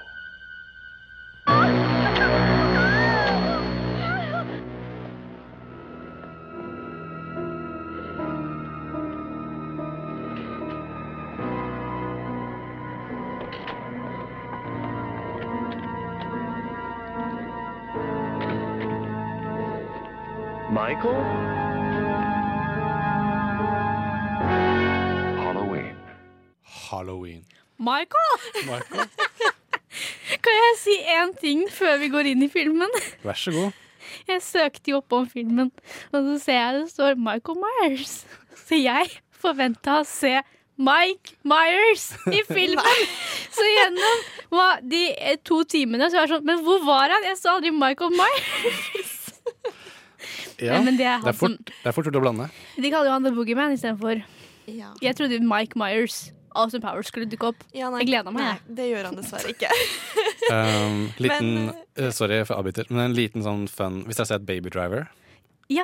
så er det samme mix-upen. Det er liksom De spiller på den humoren der i den filmen. Fordi han skal skaffe Michael Myers masker, men så skaffer han Mike Myers. Er det det det så de har sånn er? der, eh, um, De har sånn Austin Powers-masker istedenfor uh, Halloween-maskene. Ja! Det tenkte jeg ikke over. Jeg har sett Baby Driver mange ganger. Jeg. Jeg har også en fun fact der med maska til Michael Myers. Det er egentlig en, eh, opprinnelig en Star Trek-maske. Mm. Fra han Captain Kirk. Bare at de lagde øynene større, de malte den hvit, og så tok de Ja, det den ut, ja. Ja. Mm. Shit. Men hva, hva er egentlig halloween? Hva er greia? Halloween? Nei, altså som vi hørte i traileren her, vi møter eh, Michael Myers, som jeg også sa. Og det første møtet er jo da gjennom de øynene. Du ser bare en øyne i en maske. Sånn skikkelse, En. POV, som vi kaller det. Point of view, ja. Eh, og den skikkelsen går inn og dreper ei jente som heter Judith. Og da foreldrene kommer hjem, så ser du da eh, Michael på seks år som står utenfor huset med en kniv i hånda og klovnemaske på.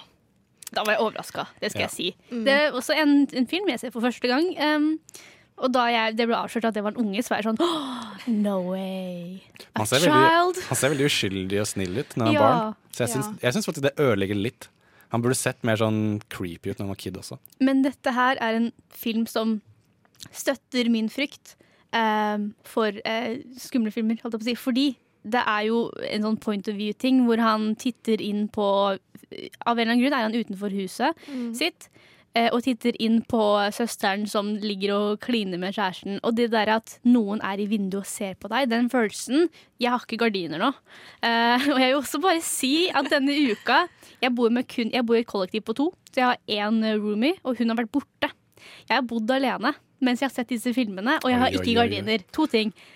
Bor du i første etasje? Uh, nei, tredje. Men det er liksom lavt nok til at jeg er redd at noen skal klatre opp og stå der. Så av og til så snur jeg meg bare sånn Er det noen i vinduet nå? Og så ser jeg i hodet mitt sånn, noen ansikter, men det er bare ting jeg fordi det er et tre utenfor, så jeg lager ansiktet ut av det. Og dette, Halloween er en sånn film som på en måte støtter det Den øh, frykten, da. Dessverre. Mm, enig. Og så må du ikke glemme musikken. Det er Jeg jo synes egentlig musikken er kul. Ja, jeg Mm. elsker musikken i halloween. Den der er din, eller, Mm. ja, Nå klarer ikke jeg å lage den, men ja, du vet hva jeg mener? Ja, jeg klarte heller ikke å lage den. klarer, jeg klarer ikke å komponere den, som du så fint gjorde med High Sommer. Ja, det er en kunst. Ja. Nei, men det er en veldig bra film, og ikke bare musikkmessig, men også som vi snakker om point of view. Man ser jo egentlig veldig sjeldent Michael Myers, fordi du ser bare skikkelsen hans når han står utenfor huset også. Men jeg har noen problemer med den her. Fordi ehm, eh, jeg føler at det var litt sånn der typ sånn Men hun, hun ringer jo ikke politiet når hun syns ting er suspicious. Og hun er veldig Hun er litt naiv, hun, hun Laurie. Laurie, som er spilt av en ung Jamie Lee Curtis. Som for første var litt merkelig, Fordi for meg er Jamie Lee Curtis, Curtis en litt sånn veldig um, utadvendt karakter, ofte sier uh, Kjent fra Freaky Friday, Ja. ja, eh, og mange andre, hvor hun er veldig ærlig, men her var hun veldig beskjeden og litt sånn Mm. eh, Ja, jeg vet ikke. Jeg, eh, det er jo hennes debut featurefilm òg, da, Mm. så skal ikke Hun var jo, ung og eh, uerfaren også. Hun er faktisk med i de nyeste Halloween-filmene også. Det er jo hele ti filmer. Er det ti stykker? Ja. Jeg regna på det, og det var veldig mange. Men hvordan har de gjort det, da? Nei, altså, de har jo gjort det sånn at eh, i film nummer tre da, så er jo ikke Myers med, for eksempel. Så det var den som gjorde det dårligst. Mm. Eh, men i film nummer fire da, så har jo han vært i koma i ti år, og så kommer han tilbake og skal ta Laurie, da. Men da har Laurie dødd, og da skal han gå etter dattera hennes i stedet. Det er et annet problem jeg har. Fordi han derre detek politimannen, detektiven Dr. Lumi. Ja, han. Han er jo en time etter på alt det her. Det er så mange folk som dauer, og han kommer sånn en time etterpå og bare Ja, se her, ja, her var han igjen. Og det er sånn, du er den dårligste detektiv... Hva er det detektiv hva er han igjen? Legedetektiv? Ja, han jobber jo på psykiatrien, da. Ja, det er det. Han er den dårligste. Men du skal få en annen jobb. Han er så sein til å komme. Ikke rart folk blir drept. Det er sånn, det er sånn film hvor jeg sitter og bare Kom igjen! Hallo! Han er der borte. og hver gang han, han lillebroren til Laurie var sånn Se, det er, noen i, det er noen der. Og hun snur seg, så er han ikke der. Så jeg er sånn Kom igjen, da! Bare vis deg. Slutt. Bare sånn get to the point. Jeg ble litt ble litt frustrert. Det må jeg ærlig si. Måtte få det. Men det her var jo en av de første filmene som populariserte Eller som på en måte skapte den der slasher-sjangeren. Hvor det er det at typisk sånn en eller annen karakter, gjerne med maske, er på jakt etter tenåringer som uh, koser seg, og så kutter dem opp med kniv og slasher dem opp. Derav sjangeren slasher. Men det er en annen ting jeg også. jeg har mye å pirke på her. Uh, jeg synes ikke Den her satte jeg ikke høyt på lista, denne filmen. Fordi, og så er det sånn Hun Laurie, hun er sånn Når, når hun først blir eh, angrepet av Boogeyman eller Michael Myers, um, så er det sånn hun skriker sånn Aah! Og så løper hun, og så kommer han sånn gående sånn dritsakte etter henne. Jeg er sånn Er det, er det tull, liksom? Det Er irriterte deg at hun bare sto der i døråpningen og venta. sånn, ja, og så Ja. bare sånn han, altså, Så ringer hun politiet liksom rett før hun skal få den kniven i halsen. Stupid people. Jeg må innrømme at jeg synes det Jeg hadde mye morsommere når jeg så den filmen her nå, enn det jeg hadde når jeg så den som liten. Uh, og jeg vet ikke helt om det er en bra ting. Kaller du meg liten, er det det? Ja. Nei, jeg jeg, jeg syns ikke den er noe skummel, men igjen så syns jo kanskje jeg ikke ting er så skummelt heller.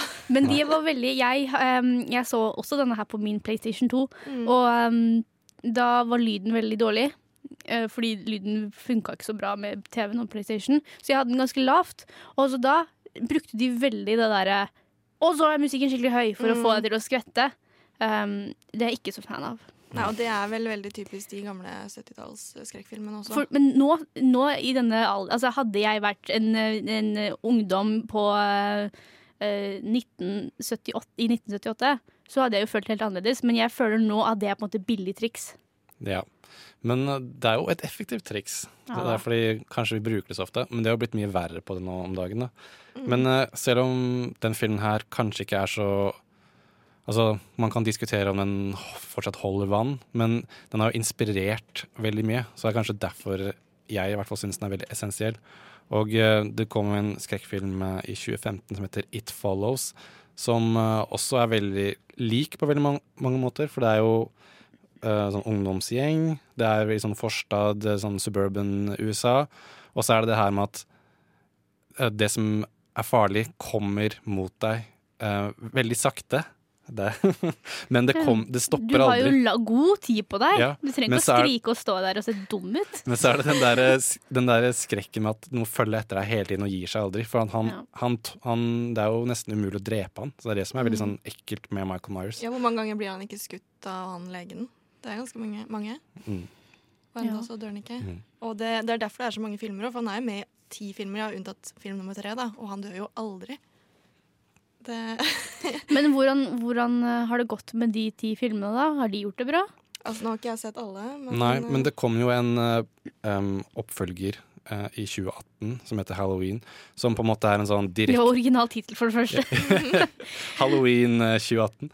Men uh, det er en direkte oppfølger av den her første Halloween fra 78, som på en måte retconner alt annet. At den på en måte eh, se bort ifra alt annet som har liksom kommet opp til den. Det er på en måte en, en sann oppfølger. Jeg har ikke sett den, men jeg har tatt budsjett på den. Bare var noe sånn 11 millioner dollar eller noe, men tjente som flere hundre. Så uh, folk Det er jo veldig mye nostalgi for veldig mange, med det med halloween. Og den uh, karakteren, Michael Myers, og masken er utrolig ikonisk. Det er liksom kanskje det mest ikoniske sånn skrekkikonet som fins.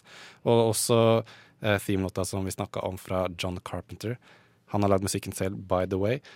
Er også utrolig ikonisk, for du hadde jo hørt eh, Du hadde Ja. hørt melodien, Elise, og det, oh, ja, det er der det er fra. Jeg, hadde det, jeg skrev det eh, til dere i chatten at eh, jeg, da jeg så på den, så var jeg sånn Å ja, men det er her den låta er fra, for den låta kan jeg. Den har jeg hørt. Det vet jeg om. Jeg visste bare ikke, jeg hadde ikke connection med filmen.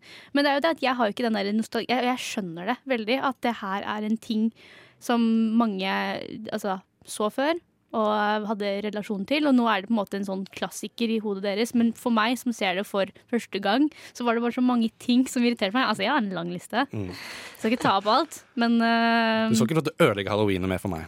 Nei, men syns dere ikke dere at den- er litt sånn, den er litt sånn teit? Sånn som for eksempel i starten så uh, blir jo hun ene jenta drept rett etter at kjæresten har gått, ikke sant? For de har nettopp uh, done the dirty. Og så er det sånn, hun bare Altså, han har allerede gått, men hun har ikke rukket å kle på seg. Og liksom står og børster håret sitt, og han kommer, og så er det liksom blood and tits all over. Jeg er bare sånn Æsj. Du bare sånn æsj.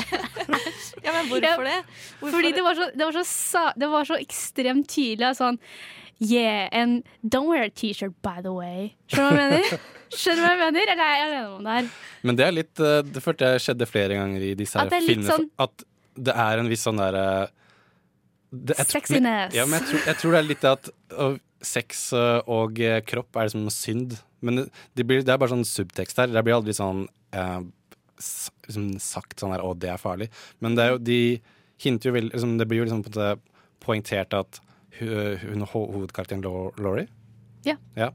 Um, hun er den som er sånn skolesmart og gjør ikke noe fælt og er ikke så liksom, tør ikke å være ligge med den gutter. slutty one. hun er, men så det er hun som på en måte blir last girl, altså. overlever. Så det er jo en sånn eh, trope som har blitt en sånn Ja. fast greie i skrekkfilmer. Og jeg lurer på om det kanskje starta litt med halloween. Jeg syns denne filmen her er mye bedre enn mange filmer som kommer ut i skrekksjangeren i dag. Fordi den eh, spiller jo på, som jeg har nevnt tidligere, suspens, som også Quentin Tarantino er veldig flink på i dag, da, og som Alfred Hitchcock var veldig flink på før. Eh, og det gjør en skrekkfilm. Du trenger ikke ha de konstante jump scarene. Du kan spille på musikk, du kan spille på at han er litt mystisk. Jeg, jeg syns det er mye bedre enn at alt skal Ja, jeg er, egentlig, jeg er enig i det. Jeg, bare denne, ja. Ja. Men jeg, jeg, jeg skjønner poenget veldig godt. Så jeg ja. helheten likte du, men ikke de småtingene som Det er så mange små sånne der, småting som er sånn Hvorfor er det det? Hvorfor er det sånn? Og så, ja, pirke. Så det er detaljer der som ikke har Som når man ser det fra 2020 sine øyne. Jeg tror det er så det som funker gjør ikke helt. greia. Ja. Ja. Den ser jeg veldig godt. Um, jeg også tenkte litt på den jeg så den. Sånn, OK, hun trenger ikke å sitte der i tidsa. Nei, men når hun- han har rukket å kle på seg, gått ut døra, og hun fortsatt er sånn la, la, la, la meg bare La meg gre håret mitt, liksom. Eller hva hun driver med. Ja. Men det er vel det eneste Jeg husker ikke helt, men det er kanskje den eneste uh, tidsa man ser. Nei, det er, mange, det er flere tids der. Det er flere tids. Ja, jeg vet ikke om jeg hadde sånn tidscounter, men uh, det var flere der. Veldig mye tids i liker monitor. at det er det du husker fra Jeg, jeg scorer på antall tids. Jo flere tids, jo dårligere blir den, for da syns jeg disse regissørene Er noen svin? Er noe svin. Ja, fy faen, skjerp dere. Ja, da sporer vi av, men mm. ja ja. Ja. Men uh, alt i alt Kritikk er kritikk. Kritikk er kritikk. Halloween uh, Jeg tror vi er enige om at det er en god film, men uh, noen ting som ikke helt uh, lever opp til da, da, nåtidens standard. det kom på en puppevits. Ja, vi rekker den helt på tampen her. Ja, det er, det er en god skrekkfilm, men det er noen ting som ikke henger. Henger helt på grep. henger helt Ok. Jeg tror vi går over til uh, 'Kjære frykten min' av Sebastian Zalo. Og så er vi straks i gang med å snakke om siste filmen, som er 'The Amityville Horror'. Og nå, mine venner, Elise og Fam, og du som hører på.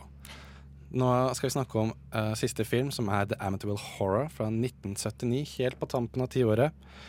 Og uh, det er jo en eh, såkalt haunted house-film, fordi uh, det her er en film som er basert på en bok som ble inspirert av ekte hendelser. Så det var jo veldig mye mystikk rundt denne filmen her også. Den gjorde det ganske godt kommersielt. Den handler vel om et, et hus som er hjemsøkt, hvor det er da et eh, par eh, som flytter inn. Um, det er veldig god pris på huset, tross at det er svært som fy. Men så har det selvfølgelig en bakhistorie. Fordi eh, for noen år siden så var det en familie der som ble drept. Alle sammen ble skutt. uh, av Er det den ene sønnen i familien, tror jeg? Ja, den ene sønnen. Og når denne familien flytter inn, så merker vi at det er et eller annet som ikke stemmer det huset her fortsatt. It's the kind of house they don't build anymore. A relic of a time when the world wasn't in such a hurry. When there was still time for a little charm and elegance. It has stood empty for a long while. And at the price, it is a bargain. For a growing young family, it is almost too good to be true. What do you think? I love it. James Brolin, Margot Kidder, Rod Steiger in the Amityville Horror.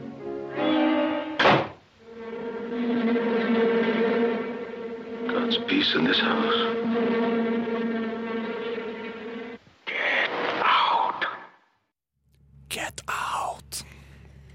Lurer på om det er der eh, filmen Get Out har tatt navnet sitt fra. Det tenkte faktisk jeg på når jeg så den. Mm. Om det er det. Kan være en liten sånn, et lite easter egg eller referanse. Mm. Um, ja, vi hørte da at Plottet er veldig simpelt, egentlig. Og vi hørte noen fluer helt til på tampen her av traileren. Og det er jo når eh, familiepresten skal inn og velsigne huset, så begynner det bare vinduet og bare, Det bare samler seg opp bare helt ekstremt mye fluer. Mm. Og han begynner å hoste og harke fordi det sikkert lukter vondt. Og så begynner bare masse fluer å feste seg på kroppen hans og bare sverme rundt. Og så hører man en stemme som sier 'get out', og døra åpner seg. Og så veldig tidlig av så skjønner vi at um, det er noen demoner på ferde i det huset her også. Og uh, hele filmen er vel egentlig bare at ehm, det går dårligere og dårligere med den psykiske, psykiske helsa til George, som er spilt av James Brolin.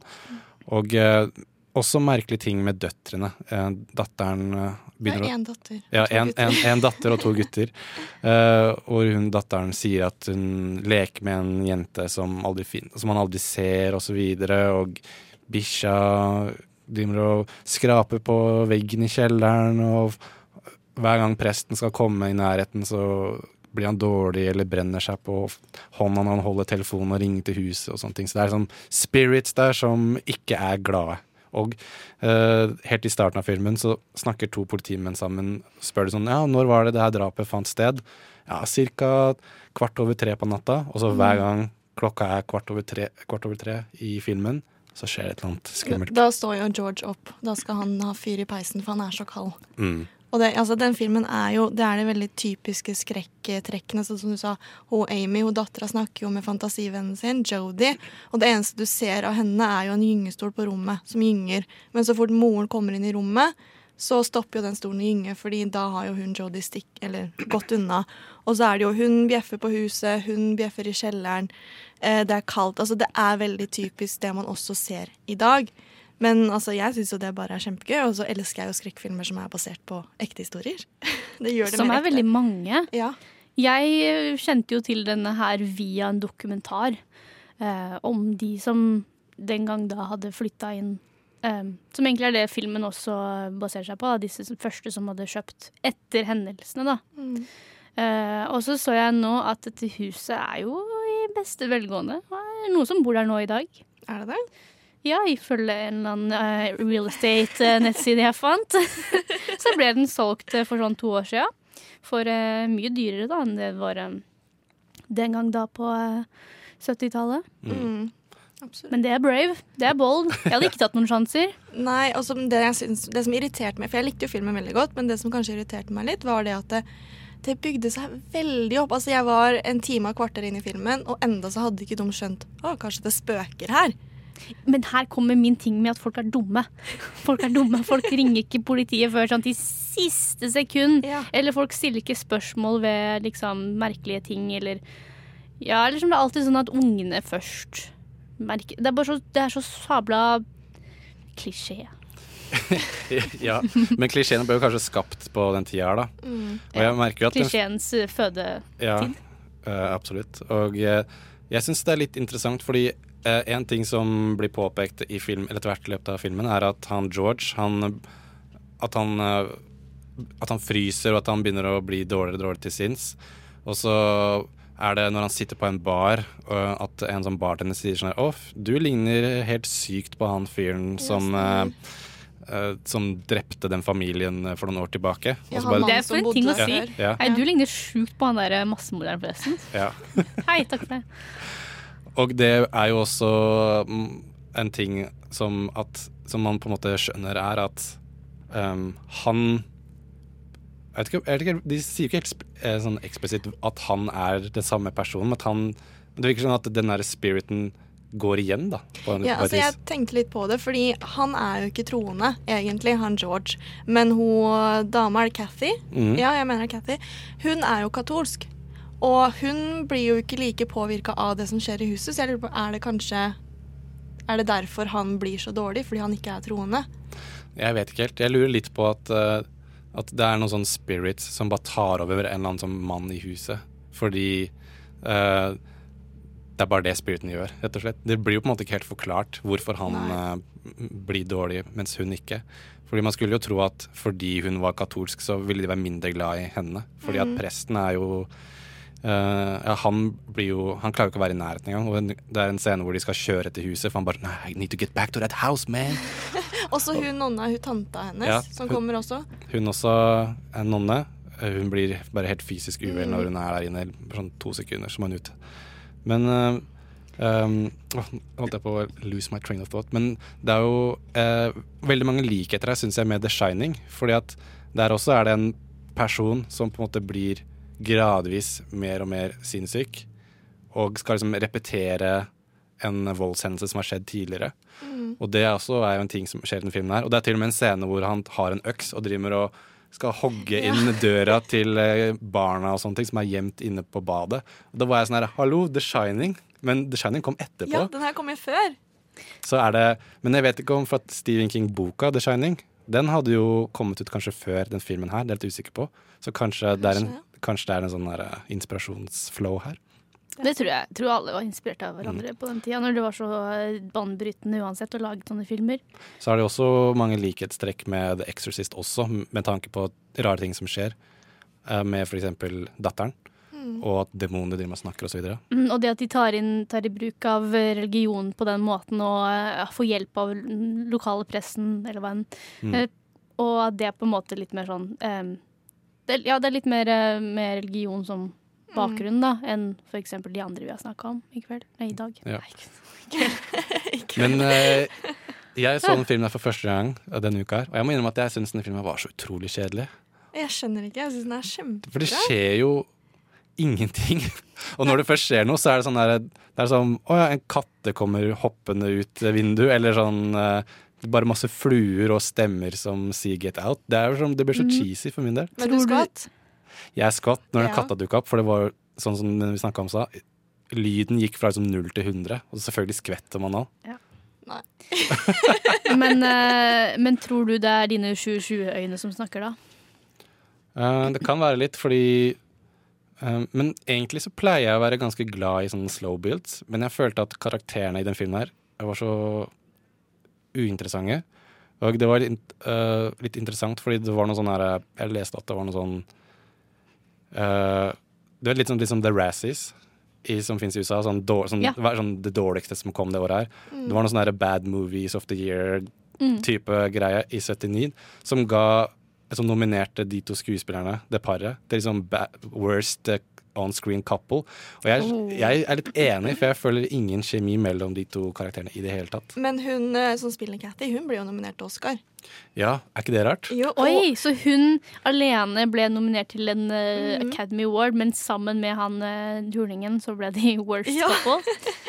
og Ja. Lydsporet også ble nominert til beste musikk i, i Oscar. Mm, ja. Mm. Og det var også noen rykter om at det, den det themesongen til den filmen her Den synes jeg, jeg syns er bra, forresten. Den er, mm. den er creepy. Det var noen rykter om at det var liksom den, det themet skulle egentlig være themen til The Exorcist, men han okay. Oi. regissøren sa at nei, nei, det er ikke sånn. Det stemmer ikke. Så Spennende. mm. Men uh, jeg vil si at uh, The Amityville Horror Ja Det kan være greit å se den bare for liksom Det kan være greit å se. Men eh, det er jo laga en nyere versjon for eh, oss som eh, liker Holdt jeg på å si oss som liker Ryan Reynolds. Hvis du ikke liker sånne dårlige par, så er det jo en eh, som er laga senere. eh, I sånn 2000 et eller annet. Ja, det, dette er også en film som har ekstremt mange oppfølgere, eller ting som er Mm. basert på mm, det samme mange. greiene. Og det er veldig enkel premiss, da. Hjemsøkt hus. Det er jo liksom ja, super eh, altså superenkelt, og det blir jo gjort Gjort uh, filmer om hjemsøkte hus uh, hele tiden. Så Mm. denne filmen er jo også en av de som på en måte var med og starta, liksom etablerte en slags uh, sjanger, subsjanger innenfor skrekkfilm. da. Jeg husker jeg så en film som heter Monster House, som er veldig bra. Så det, du har også laga en ny bølge med hus. Skjønner du hva jeg mener? At det er sånn hus som er hoved... At huset er en karakter. Mm. Og så er det også litt sånn i Hereditary, en ny skrekkfilm, hvis du har Mhm. sett den, hvor altså, huset i seg selv har nesten en sånn egen karakter. Og de bruker Altså, det er jo øh, veldig sterkt Nå har jeg bare sett sånn bitte litt av denne her, da. eh, Men at, de, at vinduene skal liksom symbolisere øynene og alt det der. At de skal virkelig få huset til å være levende. Ja, for Det er det jeg syns er så bra med den her i forhold til nyere filmer. For i nyere filmer så skal de liksom sette et ansikt på demonen. Og det irriterer meg så mye. Men i de gamle filmene her så ser du de aldri. Du ser bare konsekvensene av at en demon er i huset. Du, Litt som starten i Jaws, eller Haisommer, hvor du ikke Ja. ser haien, Ja. men du ser effekten av Ja. hva som skjer. Det er litt det samme som det, ja. Fordi i de nyere filmene så skal du liksom se den der demonen og stygge vesenet og Det er litt sånn less is more. Ja. Litt sånn, Du trenger ikke å skjøve ekle ting opp i trynet på eh, folk, men bare sånn subtilt på sånn Her, her skjedde det noe. Og da syns jeg det blir skummelt. Ja. Ja, men også, det er jo også en ting som de bruker i den filmen her, som jeg syns også er veldig klisjé, er at ja, det er noe Indian Barrel Grounds eh, som det huset her er bygd opp på. og Det er sånn, det skjer, det er sånn i hver eneste film. Ja, fordi hele huset er jo bygd på Indian Barrel Ground. Ja, og jeg syns det er så dårlig gjort at de skal hele tida bare skylde på døde indianere. Det er jo Ja. sånn, hallo, hva, Hvorfor er de alltid skylden til alt ondt? Uh, Ja, Det er jo litt sånn hvordan USA har på en måte også laga litt business ut av at de er de onde, da. Mm. Hele cowboy, indianer, helt og skurk. Ja. Altså, ikke, jeg skal ikke røpe slutten, men dette er også en sånn film som bare Det bare slutter. At det er liksom ikke noe sånn derre Det er ikke noen sånn Nei, eh, ordentlig konklusjon, og så er det bare sånn OK, og så slutter den, og så Mm. ser du bare sånn title screen sånn herre The family moved away and never went back. Sånn. De sånn. tok ikke med seg noen av tingene sine. Ja, sånn, OK, greit. Ikke, sant. sa- Så, ikke så antiklimaks, da. Mm, Ja. absolutt.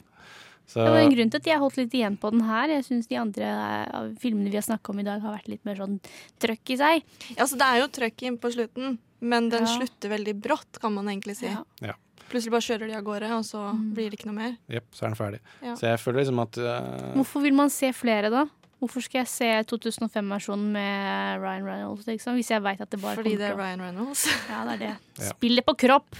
Nok en gang! Nok en gang. Enda flere nipple counts. Du får se den, og så får de gi oss uh, Nipple count. nipple count på Ryan Reynolds. Vi har jo diskutert litt sånn karaktersystemer, om man skal bruke terningkasser og sånt. Jeg foreslår nipler fra Ja. nå av. Bare for å gjøre det litt spicy. ja. Så jo flere, desto dårligere film? Ja. Okay, okay. Fordi du trenger ikke å vise nipler for å lage en god film. Men da, da går Å nei, da går jo Haisommer veldig dårlig ut, for der er jo alle masse nipler. Altså menn, da, på, på stranda. Jeg tenker Det må være noe sånn utelukkende hvis det er på stranda. Ja, det må være unntakssituasjoner. Ja. Eh, Så hvis det er en sånn eh, strandfilm, da, da må du bruke et annet system. Ja. Rett og slett. Eh, vi skal straks avslutte sendingen vår. Det har vært en veldig fin og gøy sending å snakke om skrekk i snart to timer. Eh, men vi må liksom oppsummere litt av hva vi syns om 70-tallet og skrekkfilmen generelt. Og kanskje få en sånn her, endelig dom fra Elise, som egentlig ikke har sett så mye skrekk før denne uka her, og si om hun syns 70-tallet er et godt sted å starte. Ja, du får vente og se. Ja, eh, ja. Du, har- du har noen tanker? Jeg har noen tanker. Ok. Uh, jeg er spent, men først så får du She So av Marbles. She So av Marbles, og eh, vi er ved veis ende, holdt jeg på å si. Sendingen er snart slutt, men det er lurt å kanskje oppsummere tankene sine litt når man har snakket så mye om skrekk i to timer, eller hva, Elise? Ja, jeg gikk jo litt inn i det her litt sånn hodet først og uten noe um, redningsvest, fordi jeg liker ikke skrekkfilmer som en generell regel. Jeg har også en regel på at jeg aldri ser dem på kino, fordi da er det helt mørkt. Nå sier jeg kino. Kino. Fordi da er det veldig mørkt, og det er eh, Jeg er mørkeredd. Og eh, hvis ting skal poppe opp fra mørket i en kino, så blir jeg sånn, blir sånn irritert, fordi jeg syns ikke det er noe gøy å skvette. Eh, men det som er interessant med de 70-tallsfilmene vi har snakka om, er jo at det er litt av hvert. Eh, og det var veldig mye nytt og utforskende i den filmsjangeren som jeg egentlig liker. Så det er ikke så ille som jeg tenkte da jeg gikk inn i det her, men sånn for eksempel Uh, Jaws syns jeg var en veldig god uh, historie. Jeg likte Houseu, eller House, fordi jeg syns den var så komisk. Og det har vi også snakka litt om, at jeg liker egentlig skrekkfilmer som er morsomme. Eh, og det tror jeg er litt i at jeg, jeg så Scary Movie da jeg var veldig ung, og den satte et skikkelig merkelig avtrykk hvor jeg syns det var lettere å le av ting enn å bli skremt. Mm. Ja. Ja, men jeg er litt enig. Uh, nå er jeg også veldig glad i Haisommer. Og Mm. det er uten tvil en veldig bra film. Kanskje en av de bedre vi har snakka om i dag. Eh, og som jeg har sagt tidligere også, så tror jeg det er det at det, det skumle, det er originalt. Mens i dag, når de spiller på det samme, så er det veldig klisjé. Da, som vi sa, Det er de samme type fenomenene.